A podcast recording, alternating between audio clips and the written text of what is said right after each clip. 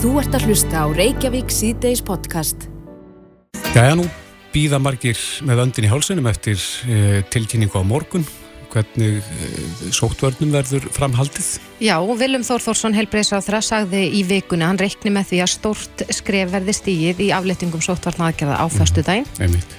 Og það hefur vakið aðtekli netverja eftir, eftir fréttir á rúfi vikunni þar sem að, var talað um að einangrun og sóttkvíðirði myndi heyra sögunni til.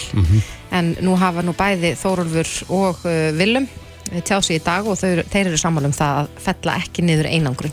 Nei. Kári Stefansson er á línunni, kom til sæl. komið sæl. Já, hvaða leið myndir þú fara, svona ef að þú væri við stjórnulinni þessum?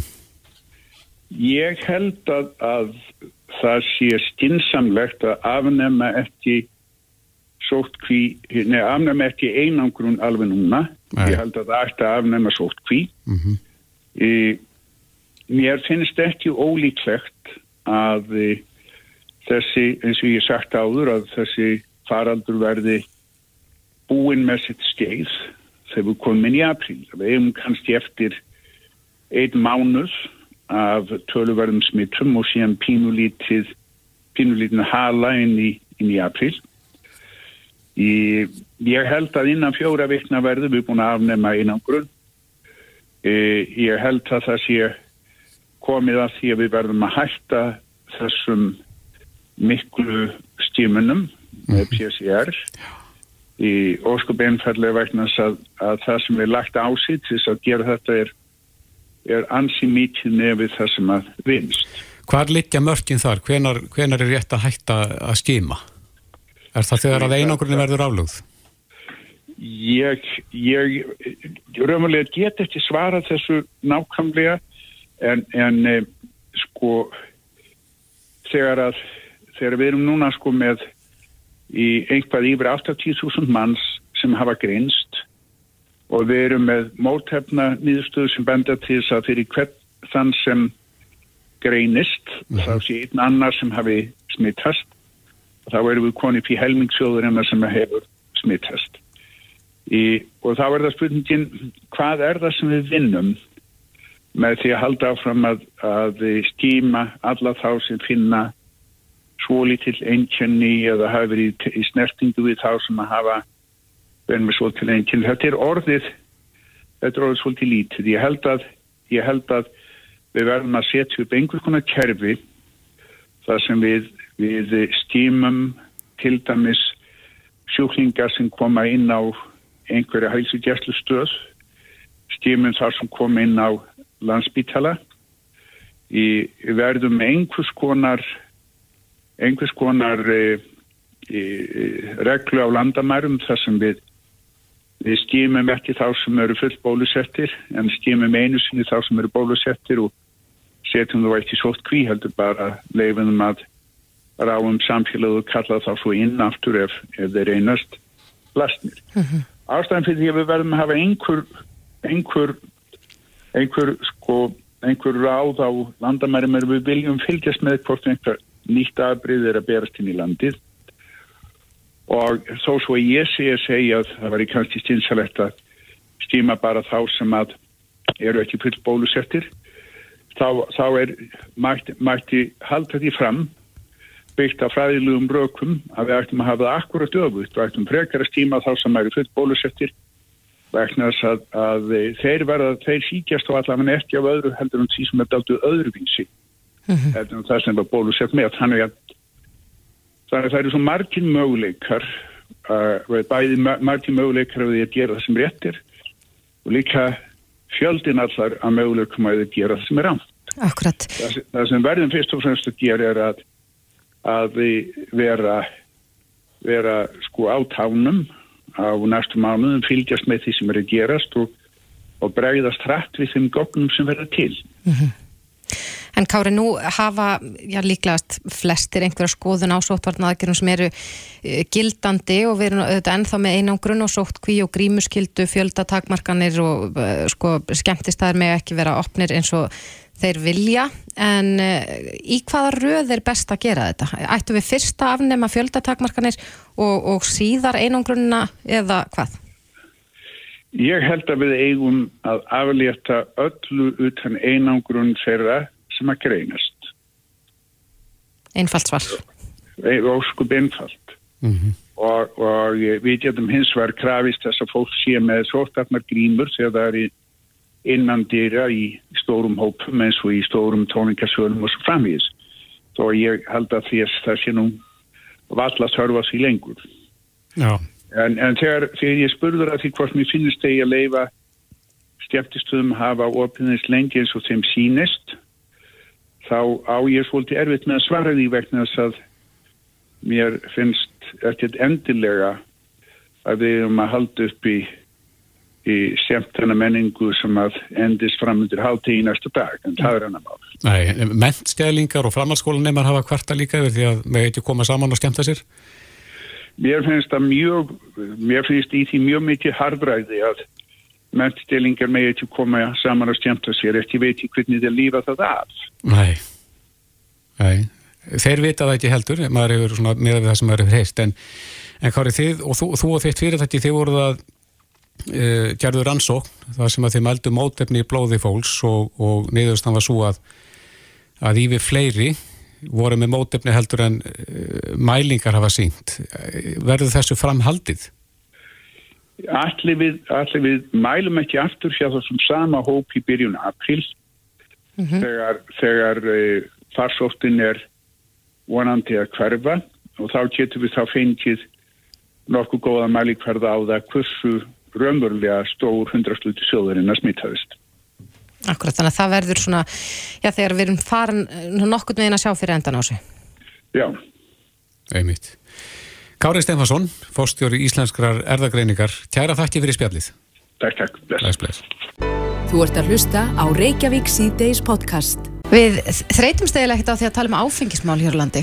Nei, þau hafa verið lengi umræðin og margir hafa reynd að koma frumvarpi gegnum þingið sem að heimilar svona ögnmeiri slaka á sölu og áfengi. Já, og Hildur Sverristóttir, þingmaður sjálfstæðisflokksins, hún uh, lagði fram frumvarp til breytinga á lögum um netverslun með áfengi núna í vikunni Já. og er í raun og verið þá að ítrekka það sem Ásla Arna gerði nú á síðasta kjörtjumbili. Já, tekum við því kefli. Akkurat, en í dag uh, fór fram opin fundur félags atvinnureikanda um breytingar á áfengismarkanum mm -hmm. og á línunni hjá okkur er Ólafur Steffensen, framkvæmdastjóri félags atvinnureikanda. Kom til sæl. Já, kom til sæl. Farsæl fundur að baki? Já, þetta var bara mjög fóðlegur og, og upplýsandi fundur sko, við emdum nú til hans vegna þess að, að við höfum alveg séð sko, að ekki síst framlegsla áfengis er bara mjög hraðvaksandi atvinnugarinn á Ísland og gríðarleg nýsköpun í þessu. Við vorum með hérna formann samtaka handverksbrukkúsa sem að sagða okkur frá því að þetta er 25 lítil fyrirtæki út um alland mm -hmm.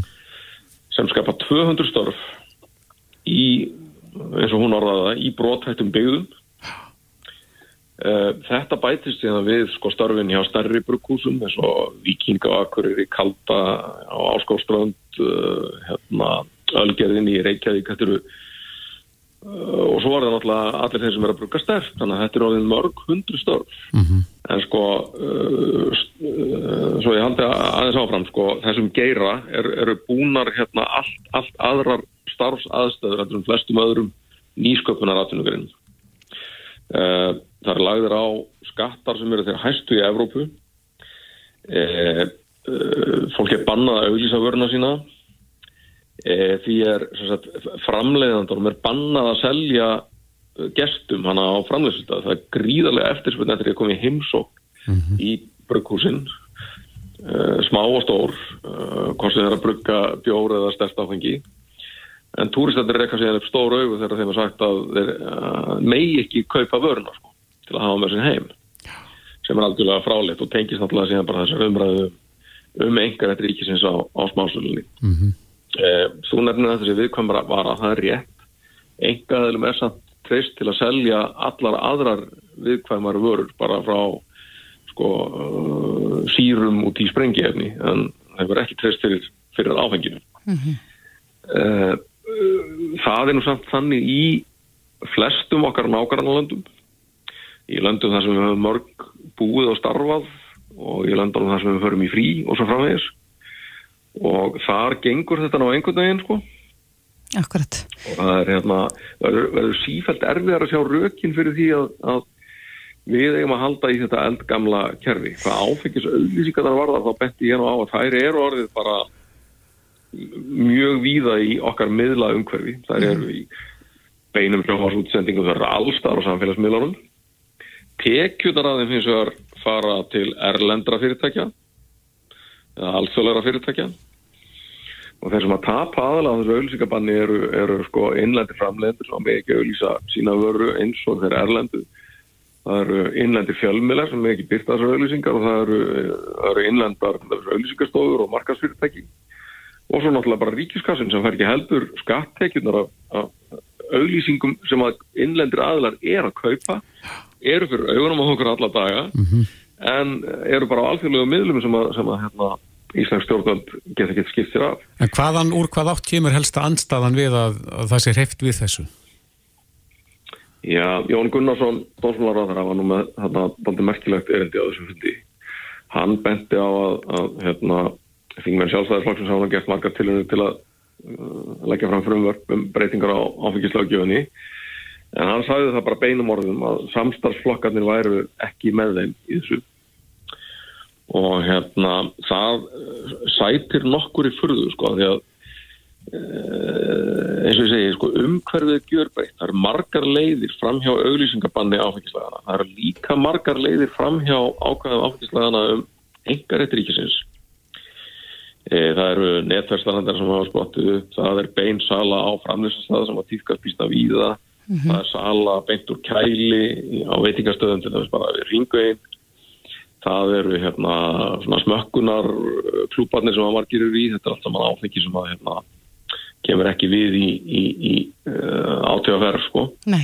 og það er að ekki hefur útsölustöðum átíðaferð sko, fjölgað markvallt átíðaferð auðlýsir átíðaferð reynir að vanda sína þjónustu sko, rökinum að uh, heft aðgengjað áfengi Eh, komið í veg fyrir einhvern eh, líðhelsuvanda, þau eru lengur úreld, eh, þau eru ekki, er ekki til staðar lengur uh mhm. -huh. og það merkilega í innleggi tónsmálar á þannig að hann sagði að hann ætlaði að afla sér lagfræði álits um það hvort að undan þá að Íslands frá ákvæðum hérna, EES-samningsin sem frjálsviðskipti með áfengi hvort hún stæðist orðið lengur í ljósið þessari þróunar og sagði að það kæmið þá til greina að Íslands að afla ráðgjáðandi álit sjá eftir dómstofnum mm -hmm.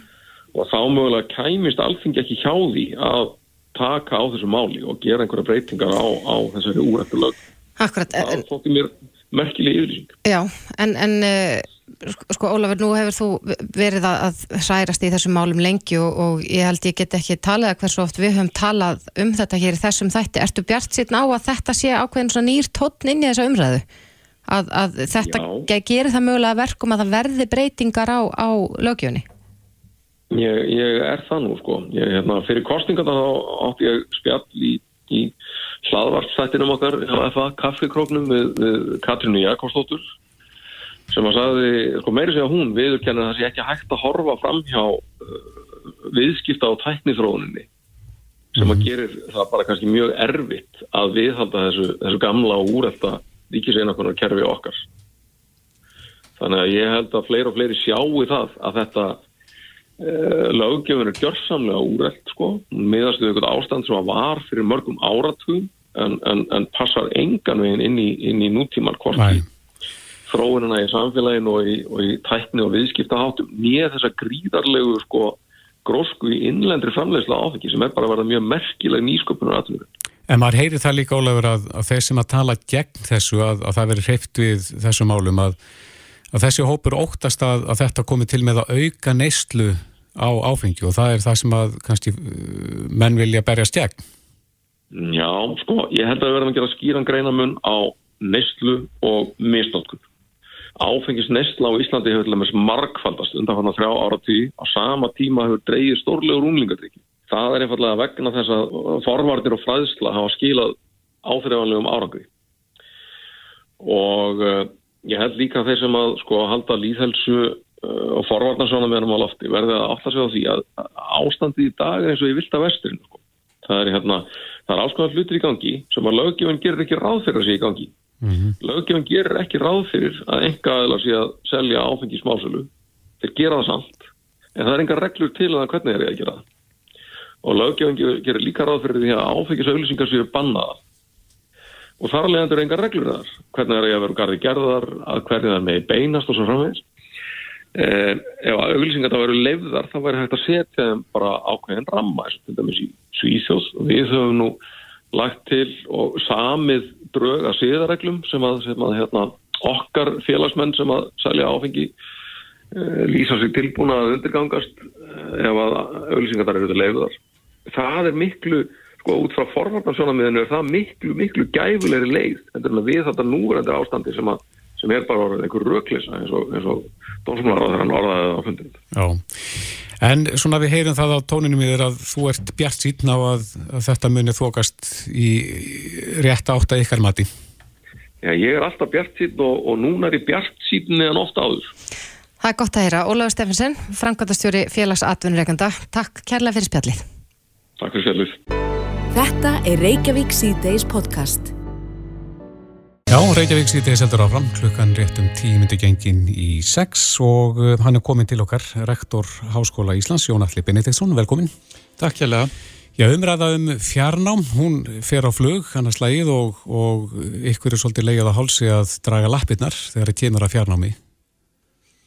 Vill það ég svari því? Já, hvað segir, hverju svarar því? Um, ég hef fylst með umræð, þessari umræðu í gegnum tíðina og þetta er nú alls ekki eins einfalt og fólk e, lætur uppi.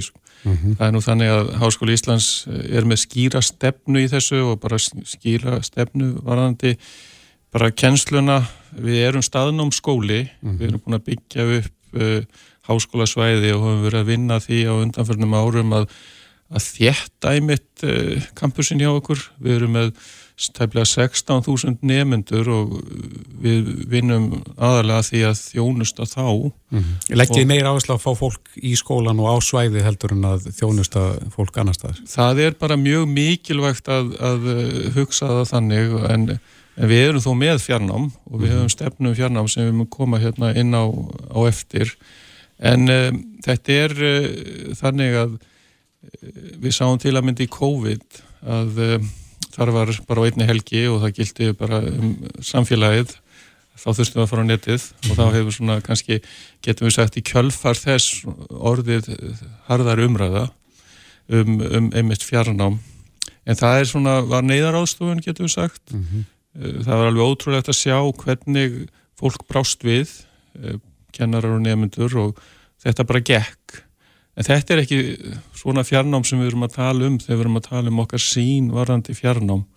Svo við leggjum áherslu á að háskólinn sé samfélag, nefnundur og kennarar séu saman, við e, ræðum saman, við þróum verkefni saman, e, það er líf á kampusnum og við fundum það til að myndi í COVID að nefnundur komið tilbaka eftir að vera lokað hann í mars og opna aftur í mæ, þeir voru farin að sakna þess að vera á lóðinni. Mm -hmm. Svo við verðum svolítið að hugsa um það og uh, þetta er svo marg þætt uh, svona hvern, hvernig þessu umræði getur, getur verið. En eins og ég segi, við erum með marga nefnendur, við erum eini allíða háskólinn hérna á Íslandi með eina allar greinar uh, og við þurfum bara eiginlega hlúa að náminu eins og það er.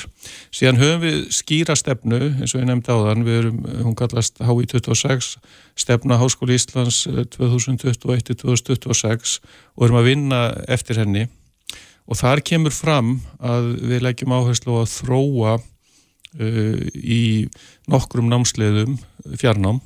Og þá ætlum við að þróa þannig að við tryggjum gæðakröfur þannig að uh, nefendur sem fara í þessar námsleiðir þeir fái góða þjónustu. Og það sé ekki bara þannig að þeir geti bara tekið uh, bara hort á eitthvað á netinu og svo bara mæti þetta í prófs. Mm -hmm. samkvæmt lögum háskóla lögum þá þurfum við að uppfylla gæðakröfur og það er bara gríðarlega mikilvægt að við gerum það í öllu okkar starfi. En eru aðrir háskólar sem að bjóða upp á, sem eru komnir hansi langt í fjarnámi, við getum nefnt Bifröst og Háskólan og Akureyri, eru þeir háskólar ekki að uppfylla þessa kröfur? Jújú, jú, ég er ekki að segja það, en þeir eru samt með færri greinar, við erum með fleiri greinar og þegar það er verið að tala um með mitt að setja bara allt á netið, getum við sagt þá er það miklu einfaldar eða með færri hérna, námsgreinar.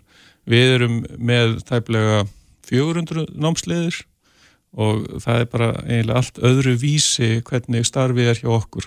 Svo að við leggjum áherslu á það það er staðnámið sem er aðalatrið við leggjum áherslu á gæðin við leggjum áherslu á tengingarnar og við sáum það til að myndi í COVID og ef við erum að tala um þetta með fjarnámið að uh, tengslamyndu nefnda mm -hmm. hún var miklu miklu minni og við erum að þjálfa hér fólk fyrir samfélagi, fyrir atvinnlífið og ef það næri ekki að tengjast öðrum til að mynda háskóla áraunum þá er það bara svolítið alvarlegt mál svo að við leggjum áherslu á samfélagið, við leggjum áherslu á að, að ná árangri þar og uppfylla þessar kröfur sem gerðar eru til okkar. Er ykkur anstaða við fjarnámið innan ykkur að delta í háskólanum? Menn eru náttúrulega misjafnir og hafa náttúrulega mismunandi viðhort til breytinga? Já, sko þetta er, þetta er bara flókið verkefni myndi ég segja. Og þegar að tala um, um þetta um gæðin og umfangið þá er líka alveg ljóst að sumar greinar falla betur að því að vera kendar í fjarnám en aðrar. Og þá erum við að tala um verklegar greinar sem uh, til að mynda það er erfitt að færa þær á netið eða mjög mikil verkleg kjensla það er alveg hugsanlegt að hafa staðlótur eins og er gert til að mynda á mentavistasviði það sem er talsett umfóðsmikið fjarnám. En um, það verður bara þetta, þetta er þannig að það þarf að skipulega geta vel ef það á að gera það. Svo að það er alveg örugt að það eru mismunandi sjónamið varandi fram uh, fjarnám í mismunandi greinum En ég legg bara mjög miklu áherslu á við erum semst að núna í okkar stefnu að þróa ákveðna námsleiðir sem verði í fjarnámi og það er semst bara verkefni, við vorum með bara starfsmannafund í gær, stjórnendafund mm -hmm. og þá verður að fara yfir hvernig við leggjum þetta upp Þetta er reyndar, það er svolítið aðteglisvægt, þetta kom fyrst í stefnu okkar um gæði náms og kjenslu frá 2018, svo tafðist þetta vegna COVID, vegna þess að við gáttum ekki syndi, vegna þess að við þurftum að fara í annað, mm -hmm. en uh, við gerum ráð fyrir að vera eins og með fjórar námsleiðir sem við munum þróa núna á hverju ári og við ætlum að leggja núna 50 miljónir í þetta til þess að, eh, að hérna hlúa vel að þessu. Og þá erum við að tala um að uppfylla gæðakröfur þarna nefnendur viti alveg hverja þeir gangi að. Uh, kennarar séu þjálfaður til þess að kenna þessu fjarnámi. Það er öðruvísi heldur en til að mynda þegar við fórum í þess að neyðar fjarkenslu í COVID að, og þetta séu heilstæðar brautir sem er í fjarnámi þannig að nefnendur þá þurfi ekki að taka eitt og eitt námskið í staðnámi. Svo að mm -hmm. þetta er hansi, hansi stórt verkefni. Já Hérna er eh, spurning frá hlustanda sem að spyr hvort það sé ekki að eh, hafa þannig að fólk hafi val, að þetta sé ekki an annarkvort eða, heldur að, að þeir sem að vilja taka námið í, í fjarnámið þeir geti það en, en aðeir þá mætt?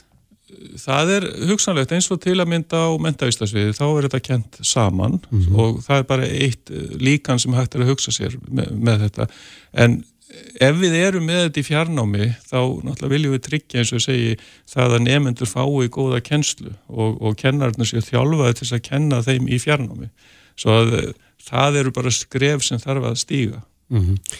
Myndi það auka mögulegan á að fá eh, erlendan nefnendur ef að þeim myndu bæti ykkur þarna í þessum? Það er nú eitt af því sem við erum að hugsa um sko en Uh, maður getur alveg séð það en uh, varandi þá erlendu nefnduna þá þurftum við að fara meira yfir á erlend tungumál eins og ennsku, mm -hmm. það er nú yfirlegt þannig, en það eru vissulega möguleikar þar og við erum í mjög miklu alþjóðlegu samstarfi um, en um, þetta er uh, eitthvað sem við erum að vinna með og, og uh, það að taka jafnvel hlut af einhvern námskeiðum með erlendum skólum, það getur alveg gengið líka en, en aftur, ég bara vil leggja áherslu á að þetta er umfangsmikið verkefni mm -hmm.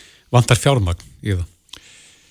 Já, þetta mun kosta, það er alveg á hreinu að fara, fara betur, betur ofan í þetta með fjarnám, fjarnámið og... Er það fjármagn sem er til eða sem þið þurfið að fá þá Já, auka? Þetta, þetta sem ég nefndi núna með þessar 50 miljónir sem við ætlum að taka núna í að þróa fjarnámsleiðir innan skólans og við erum semst að fara núna í það að velja þær, við erum búin að taka það frá en svo er það þannig þegar við förum út í það að kenna í fjarnáminn þá þurfum við að huga líka því hvernig, hvernig það verður borgað mm -hmm. og þá þurfum við vantarlega að ræða við stjórnvöld en við sjáum það ef við, ef við þurfum að þróa þetta svona og vöndum þetta mjög þá, þá munum, mun fjarnámsleiðunum fjölga og þá vantarlega verður þetta kostnaður samara. Já, Hvar myndur þú segja því stæðu svona á listanum yfir háskólana þegar það kemur að fjarnámi? Eh, þið eru elsti skólinn? Á Íslandi. Já, og með flesta nefnendur, en, en hvar er þið í, í röðinni? Hver, hver, frá, frá því þeim sem stendur sér best og þeim sem stendur sér vest? Þetta er bara allt og flóki. Við erum sannlega með mest fjarnám. Ég get bara í námskeiðum. Við erum með hérna, 20% af okkur námskeiðum í fjarnámi. Mm -hmm. Þú bara telur heildar fjöldan. En eh, svo ef þú bara tekur síðan einstakar skóla og hvað þeir eru með stórt hlutfalla sínu námi í fjarnámi þá erum við ekki efst. En þetta er ekki okkar keppikepli, alls Nei. ekki. Við leggjum áherslu á gæðin, mm -hmm. leggjum áherslu á að undirbúa fólk vel undir atvinnlífið og, og, og samfélagið og uh, við mögum ekki heldur gleyma því að ef við værum mjög, mjög mikið fjarnám þá myndi það leiða til þess að uh, það eru færri í skólanu hjá okkur og við höfum verið að bæta við okkur byggingum, vorum til að mynda að fá sögur núna um daginn til þess að hafa staðkjenslu og um, það er alveg möguleiki að það sé hægt að kenna fjarná með þessari staðkjenslu en það mun vantarlega leiða til þess að við höfum þá færi nefnundur í þessum byggingum svo að við þurfum bara eiginlega að hugsa þetta út frá okkar stefnu, hvar viljum við vera og uh, það hefur ekki verið okkar markmið að allt uh, okkar nám sé á, hérna í kenti fjárkjærslu.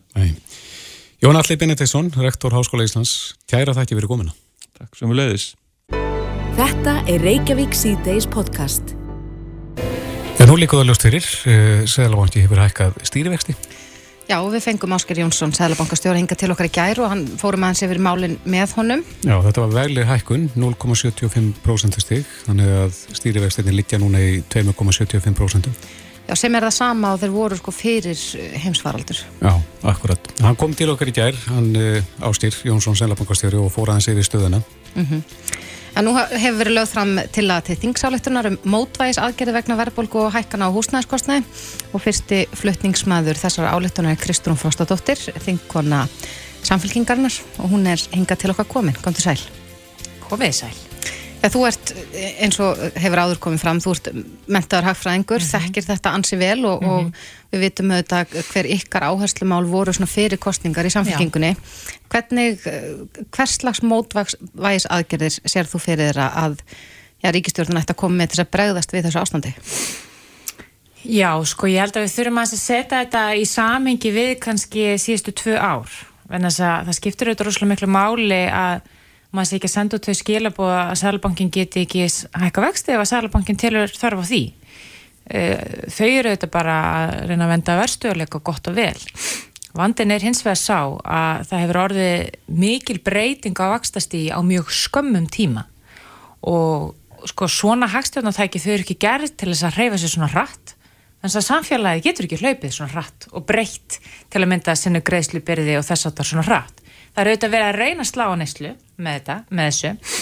En á þessu tímabili á menn heimsfaldurinn hefur verið eins og var nefnt inn inganginum og vexti voru lækkar um 2% það var fullt af fólki sem að nýtti það tækifæri til að mynda til þess að skuldsetta sig verulega fyrir fasteg auðvitað fólk að bara ábyrða sínum gjörðum. Vandin er hins vegar sá að þetta var í rauninni svona partur af efnaðsaðgjörnum að láta eh, heimilin að hluta til skuldsetta sig fyrir neyslu, fyrir, fyrir fasteg, fyrir umsöfum og þetta gerði að verkum að fastegna verð hækkaði mjög hratt á mjög skömmum tíma. Ekki loðaskostur? Sko það eru þetta, við getum verið hér í allan dag að tala um loðaskost, mm -hmm. en staðrindin er svo eiginlega óhagði á hvað skoðun maður er varandi það eða hvað, hvað pólma tekur í hæðinu varandi það.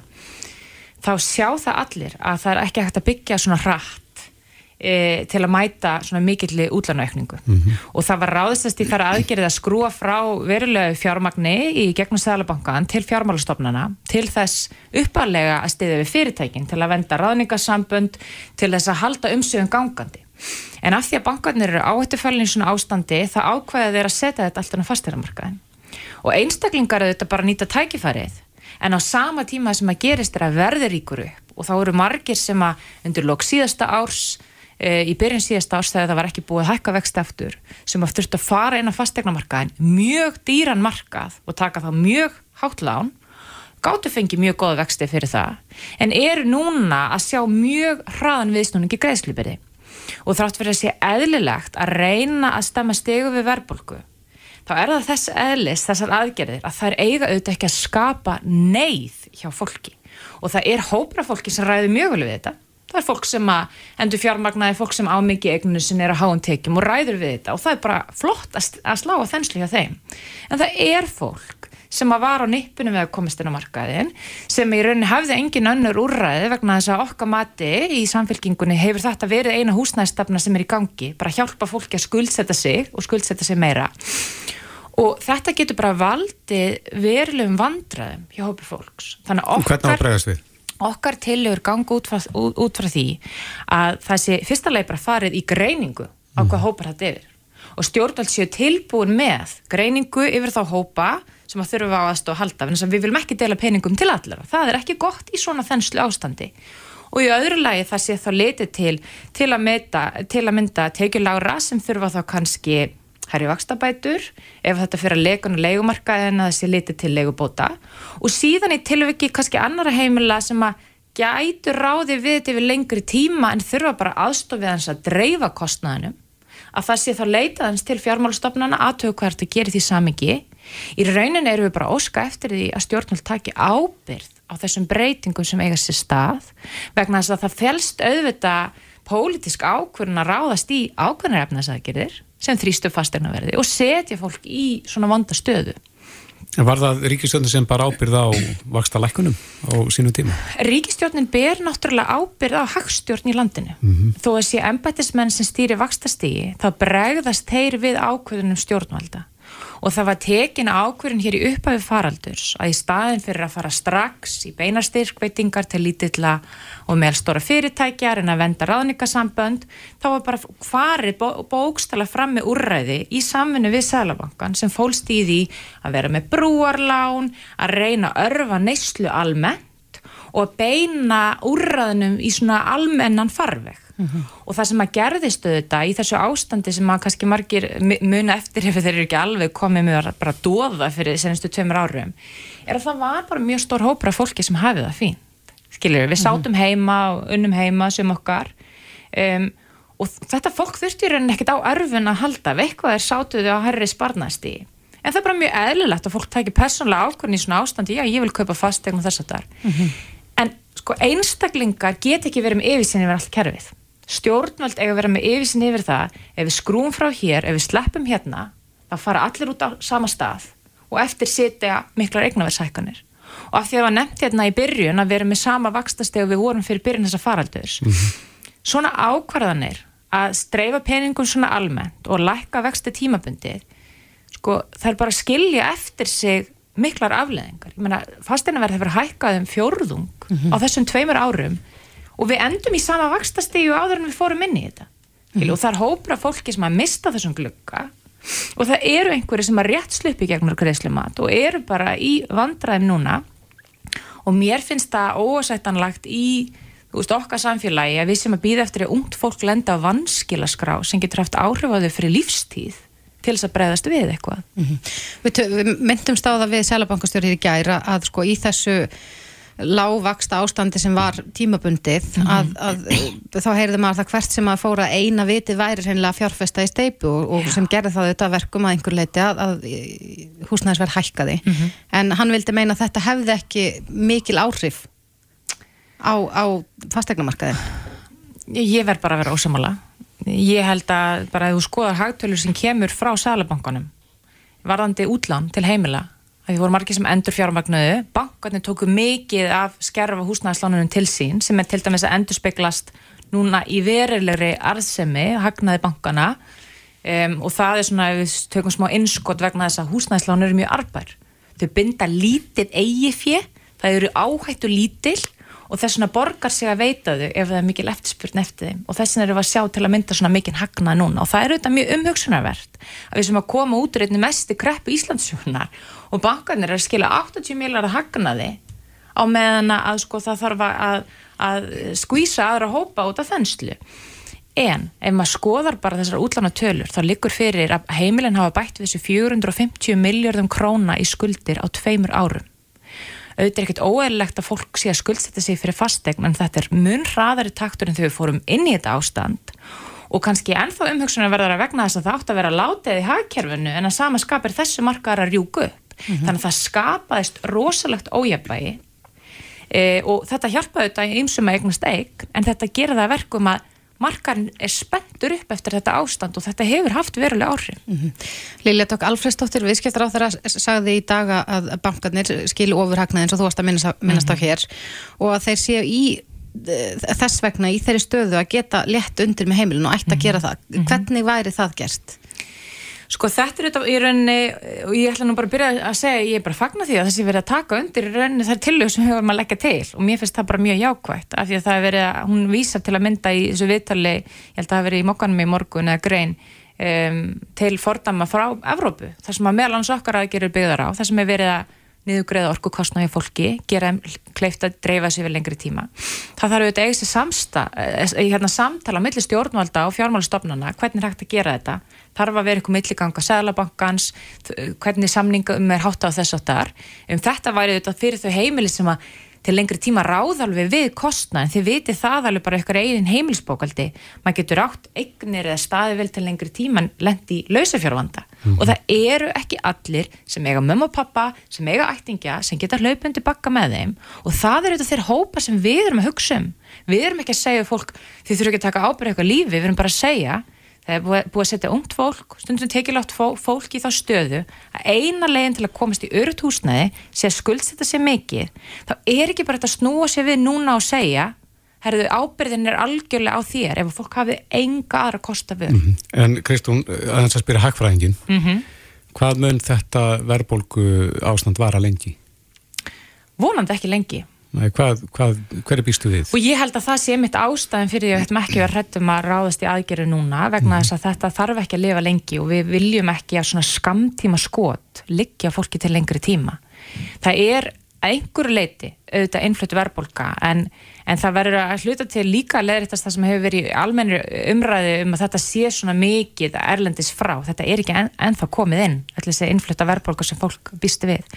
Þetta er að mestu leiti húsnæðsverðshækkanir og síðan eru þetta innlendarhækkanir en húsnæðsverðshækkanir hafa þetta áhrif á það og þetta er það sem maður hefur ágjur af í haust ef, að, ef það kemur mikill þrýstungur út á kjærasamningum þannig að þetta, þetta gæti gengið yfir ef að það er bröðist rétt við. Og þess vegna er ég ósamála fjármárar á það sem segir það er ekkert sem að stjórnveld geta gert. Og nú segir þetta sem hagfræðingur sko, það er auðvitað hægt að hækka vexti sem er verið að gera reyna að stemmast yfir þensluna.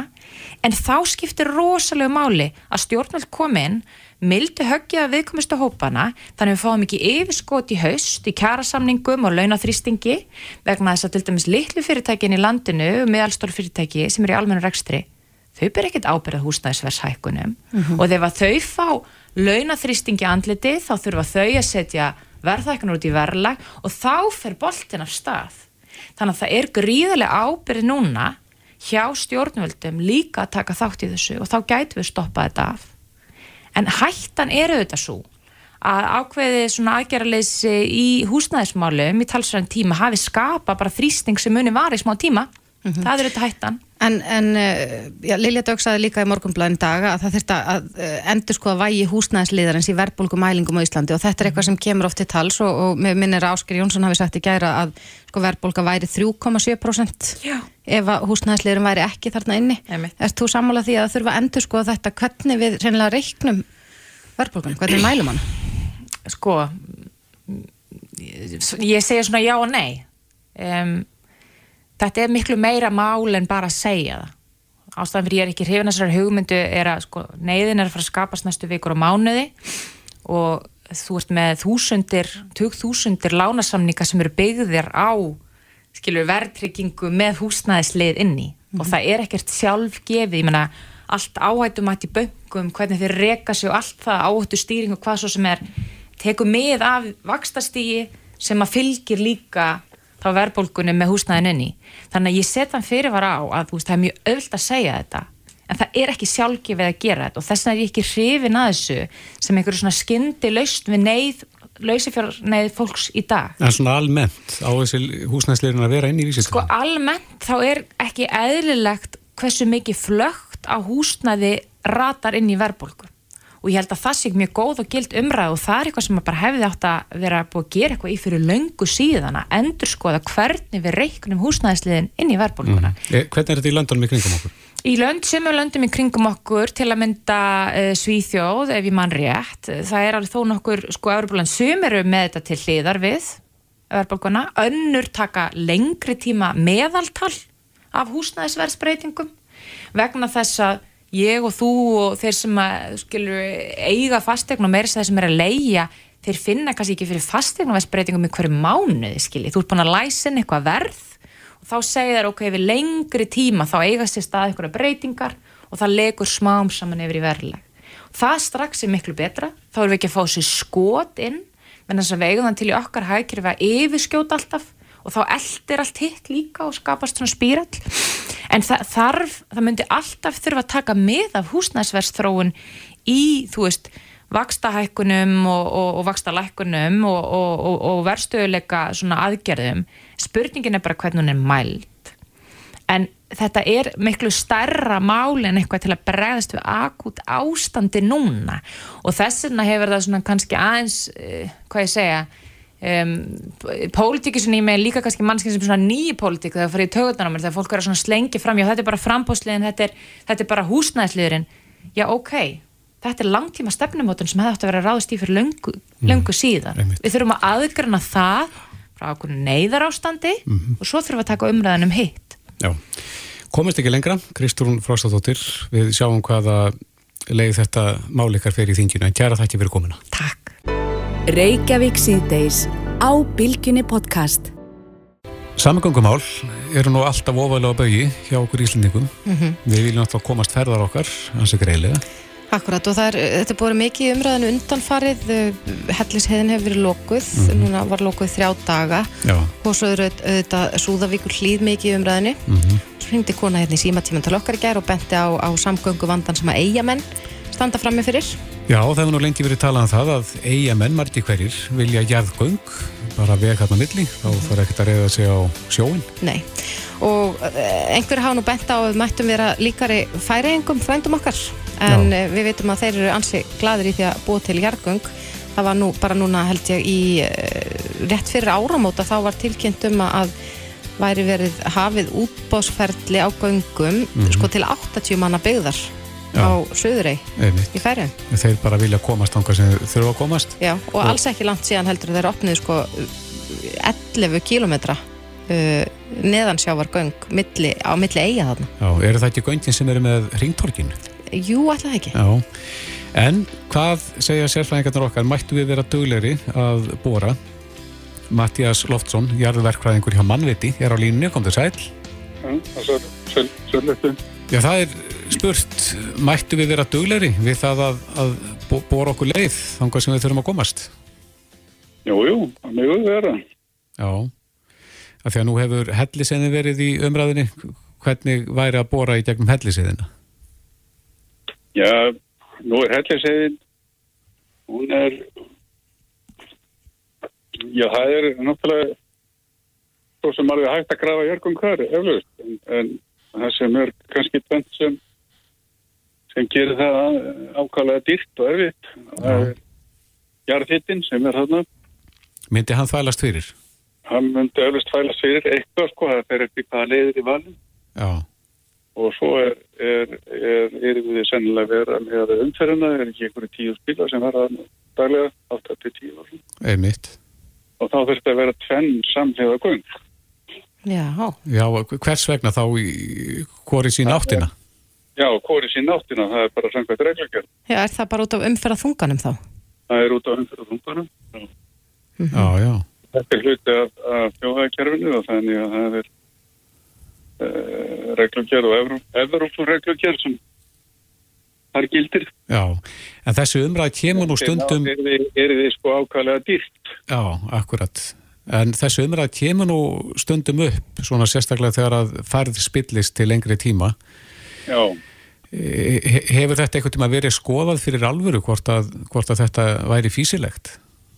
Nei, ég held að þetta hafi bara verið blæði sem var í, þetta var í gamlu jarganga áfinni frá árunni 2000 Já, geiri og þá var bara að reyna að rifja þetta upp að þá var að þetta er að vera einhverju 8,5 kilometri hergöng Mhm.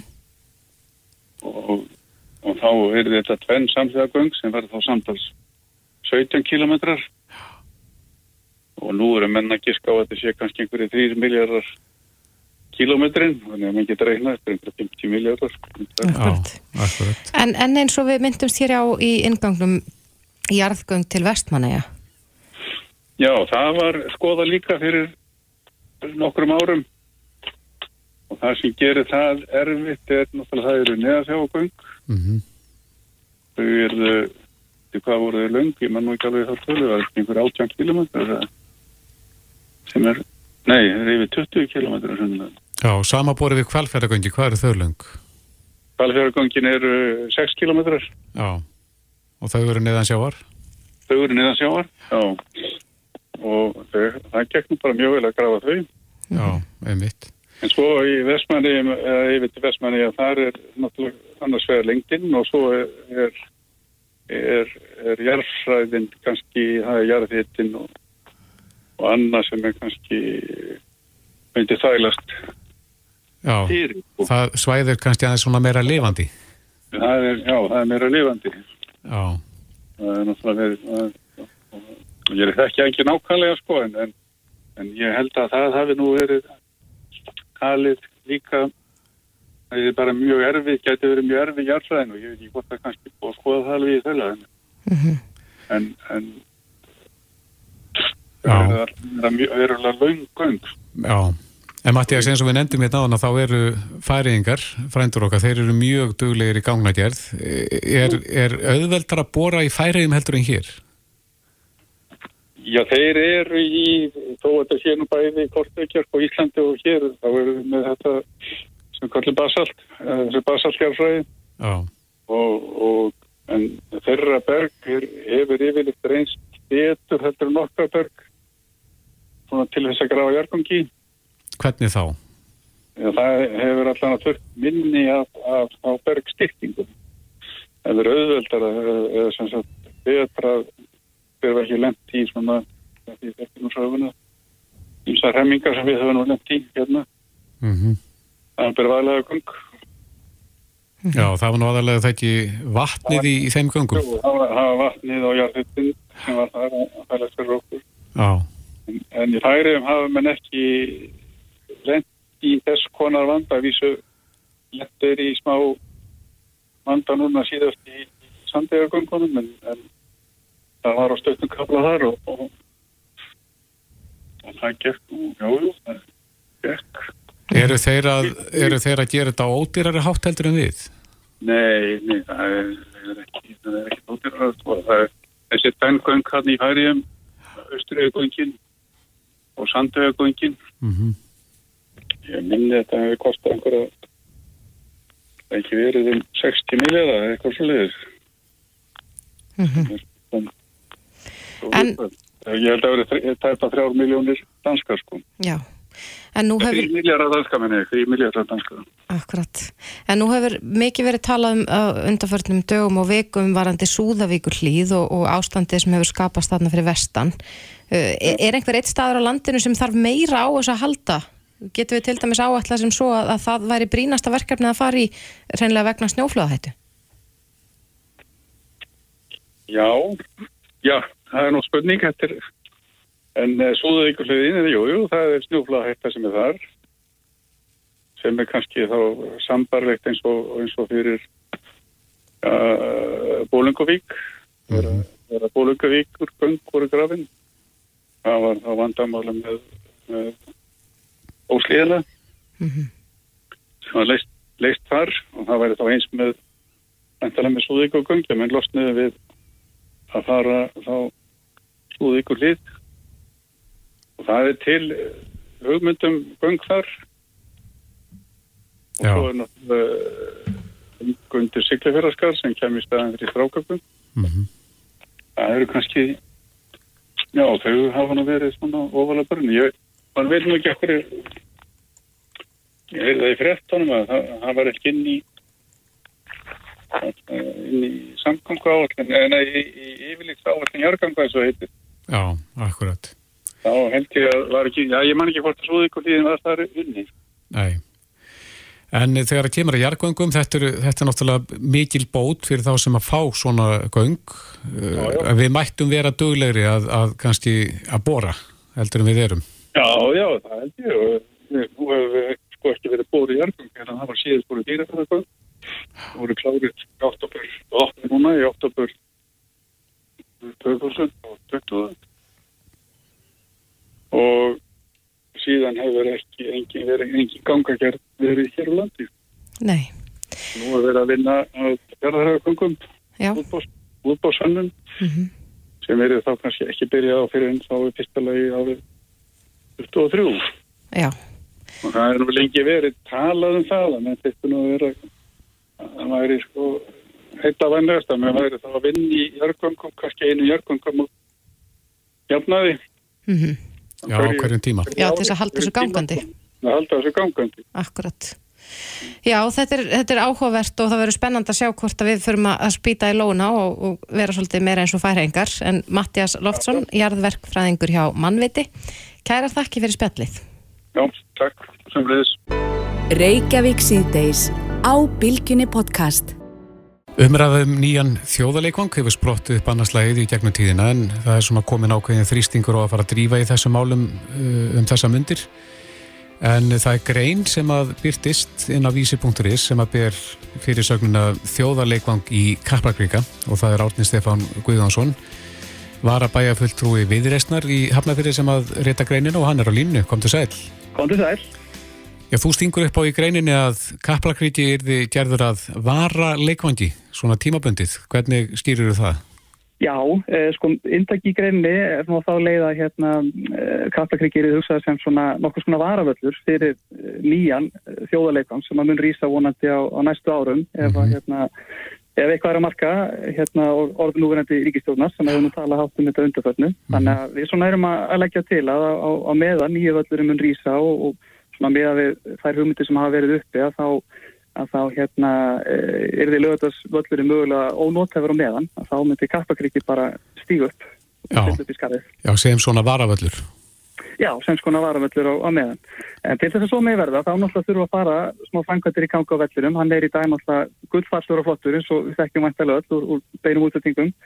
Eh, en hérna það fyrir náttúrulega að svona betrum bæta næst. Í dag tekur völlurinn að með vinnir svona millir 34.000 manns í, í þætti en En það væri hægt að byggja til dæmis yfir norðurstúkuna sem er á móti nýju flottu stúkun okkar í, í, kriganum. Það væri hægt að, byggja svona tengi byggingu þarna á milli með, með þá auka stúku til að fjölka áhörendum og, og bæta kannski fjölmiðlast og fleira. Þannig að það eru svona spennandi möguleikar í kostunum, finnst okkur í, í ferðinum. Mm -hmm. Hver myndi borga þann brúsa? Já, við náttúrulega segjum fyrir okkur að, þetta eru jafnvel bara hluti af, af framkvæmdunum á nýja vellunum. Það er svona, hefur kannski eitthvað glemst í umræðinu á, á meðan nýrvöllur ís og, og þá væntalega hluta til kannski á, á þeim stað til lögadagsvöllur er í dag ef að hérna, ef að svona það er hugmyndi vera veruleika sem eru upp í núna. Einhver stað þurfa landslíðin okkar að spila á meðan, þannig að við myndum sjá fyrir okkur að, að ríkið myndu þetta koma eitthvað, eitthvað þeirri framkvæmd en, en það er náttúrulega bara samkvæmulega í hátt. Já. Já, þú segir að knattspilna á að fólk þekki þetta vel frá London? Já, ég náttúrulega, var, var ungu dæmdu til þess að vera stuðnismæði tóttinum Hotspur og, og það, það þekkju spörsur að vel á meðan hérna eitt glæsilegstu völlur á mínu hóveramatti, Evrópu, var reistur og þá var svo gamli ríðin á meðan þannig að tóttinam Hotspur stiluðist teimalegi sín á Wembley á meðan þeirri byggingu stóð og það gafst mjög vel en það þurfa liðin að spila einhver starf á meðan þannig að Þetta væri, væri spennandi kostur og okkar mati að fá nýta kappakrika í þetta. Mm -hmm. Serðu þeir eru að það komist einhver hreyfing á þessi mál? Úf, þetta er að stósta spörst. Þetta náttúrulega bara hefur leið á okkur sem að uh, færust í íþróttarhefingunum mjög lengi, sérstaklega hvað var þar inn í íþrótturnar. Ég er, er sjálfur þjálfa lengi í handbólstöpa í félagslið og, og yngri landslið og þetta er bara, þetta er orðin þræl erfið staða en, en við svona, mér heyrist á fólki núna, þetta er komin meiri reyning áttu en hefur verið.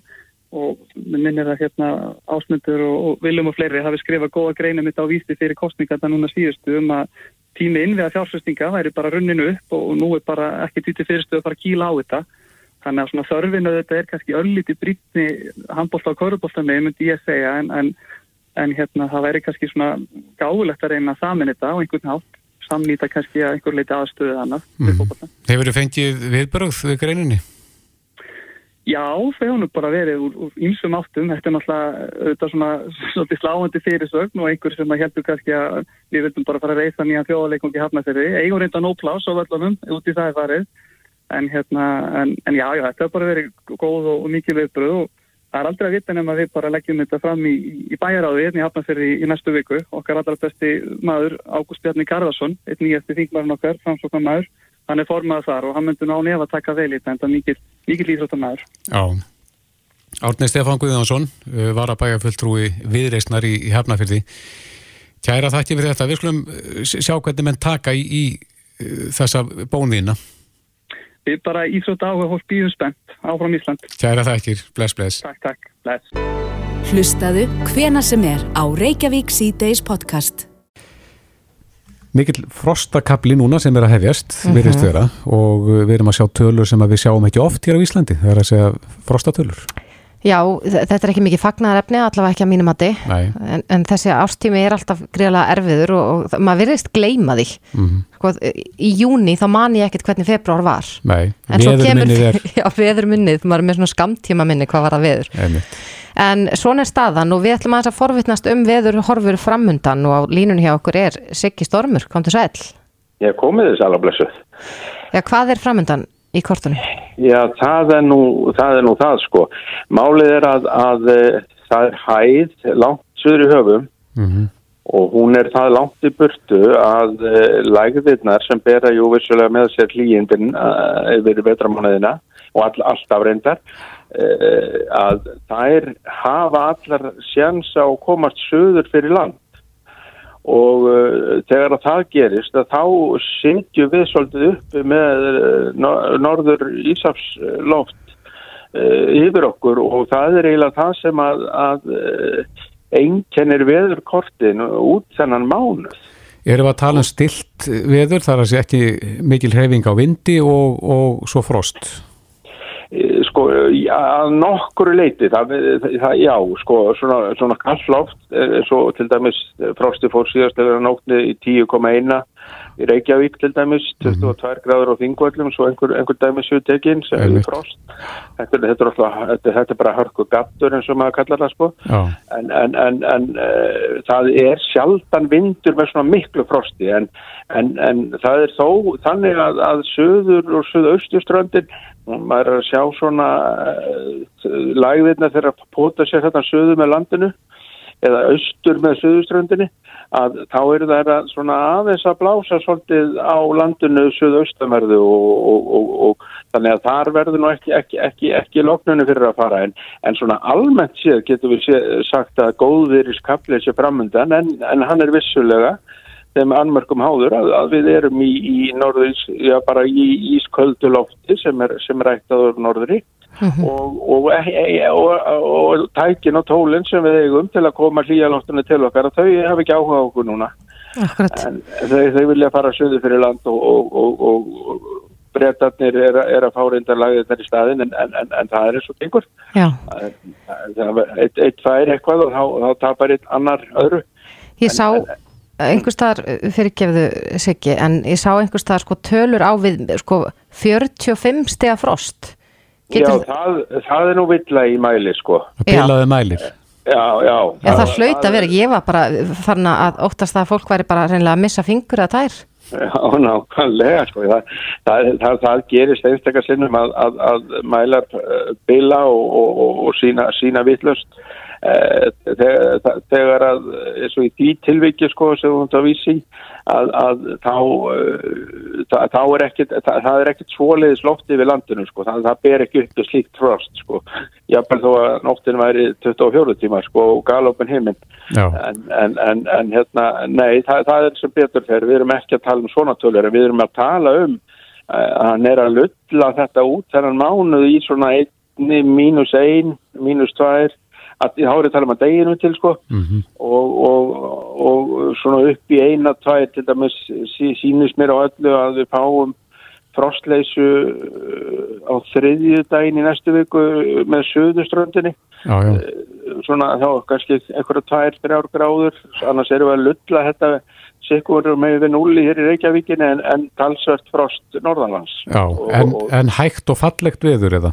Já, fallega, bjart, uh, mjög, það er mjög bjart helgar spáin, uh, það er aðalega eins og ég segi, það, er, það dregur fyrir þegar að lagðin fer östur með söðuströndinni, en þá, þá dregur fyrir með landinu sunnaverðu, það getur svolítið skýjað í borgin á meðan að lagðin gengur östur fyrir, en, en, en, en megin hluti landsins bæði á morgun, laugata og sunnudag, að þá erum við í, í, í, í tiltöla góðu björtu vetraröðri og það má kannski segja uh, að því að Þórtís var nú að nefna, nefna að frosti væri ekki alveg fyrir hana en þá, þá má kannski segja samt að það er auðveldast í, það er að klæða sér kuldan það er miklu miklu erfiðar að klæða sér uh, vósbúðina og, og, og og, og, og ef maður allir í göngu þá meina ég sko eða eitthvað slíkt sko. Já, en þú sérði engan svona kvell í, kortónum eða, eða aukin Jú, vind? ég- það er nú, það er nú komin inn, í- í spátnar uh, kvellurinn, hann, það er það langt í hann ennþá að, að ég held ég að vera ekki rétt að ég væri að, að,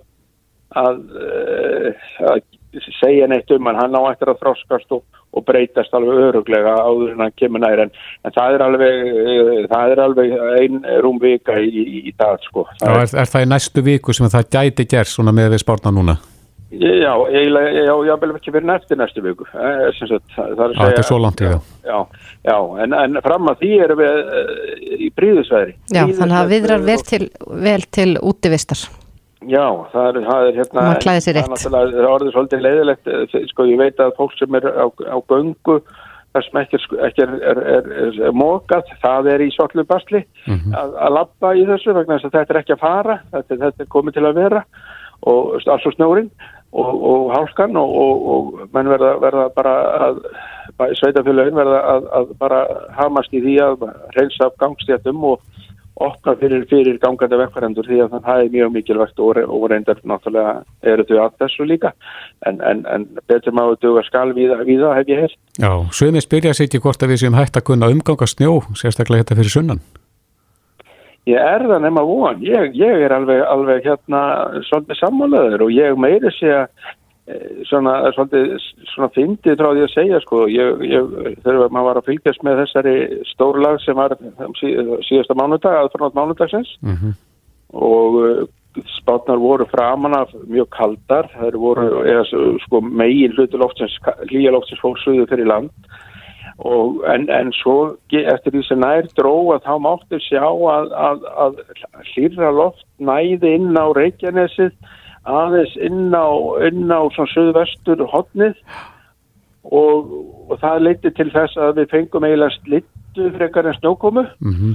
og þá fekk ég bara fólk á gött út á gött og sagðist bara að við hafa verið hundsvægt að fá ekki snjó Já, akkurat.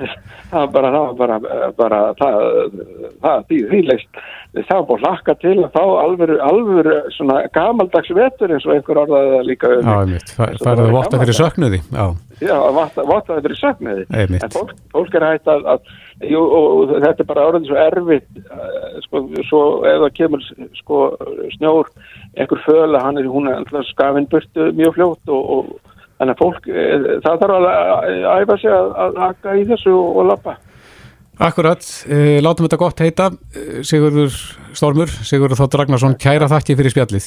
það var nú lítið, hafa það gott Sömulegis, bless, bless. Já, takk, já, bless Já, það er um að gera að njóta þess að veðrið sé svona nokkuð stilt næstu daga en Já. eins og Siggi sagði að þá verður þetta ekki alltaf svona. Nei, við þurfum bara að klæða þetta á okkur. Já.